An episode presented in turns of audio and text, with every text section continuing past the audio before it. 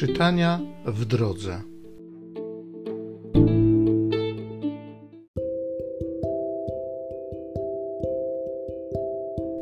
Z Księgi Wyjścia. Mojżesz wrócił z góry Synaj i obwieścił ludowi wszystkie słowa Pana i wszystkie jego polecenia. Wtedy cały lud odpowiedział jednogłośnie: Wszystkie słowa, jakie powiedział Pan, wypełnimy.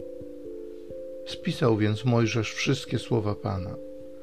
Nazajutrz wcześnie rano zbudował ołtarz u stóp góry i postawił dwanaście stel, stosownie do liczby dwunastu szczepów Izraela.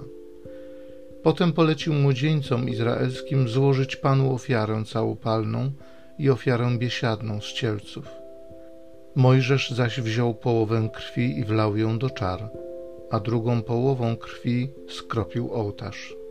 Wtedy wziął księgę przymierza i czytał ją głośno ludowi. I oświadczyli: Wszystko, co powiedział Pan, uczynimy i będziemy posłuszni. Mojżesz wziął krew i pokropił nią lud, mówiąc: Oto krew przymierza, które Pan zawarł z wami na podstawie wszystkich tych słów.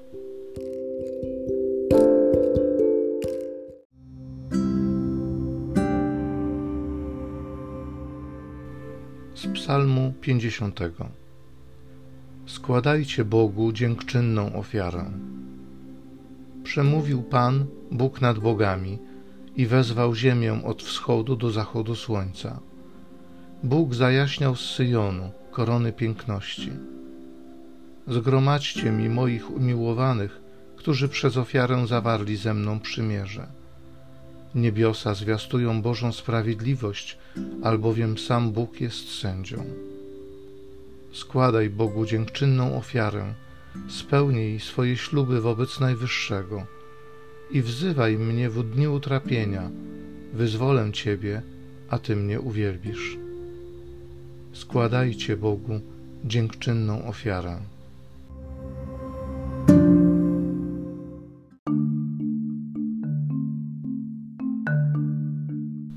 Przyjmijcie w duchu łagodności zaszczepione w was słowo, które ma moc zbawić dusze wasze.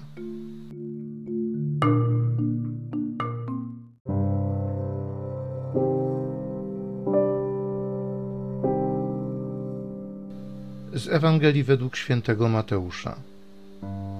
Jezus opowiedział tłumom tę przypowieść. Królestwo Niebieskie podobne jest do człowieka, który posiał dobre nasienie na swojej roli. Lecz gdy ludzie spali, przyszedł jego nieprzyjaciel, nasiał chwastu między pszenicę i odszedł. A gdy zboże wyrosło i wypuściło kłosy, wtedy pojawił się i chwast. Słudzy gospodarza przyszli i zapytali go: Panie, czy nie posiałeś dobrego nasienia na swej roli?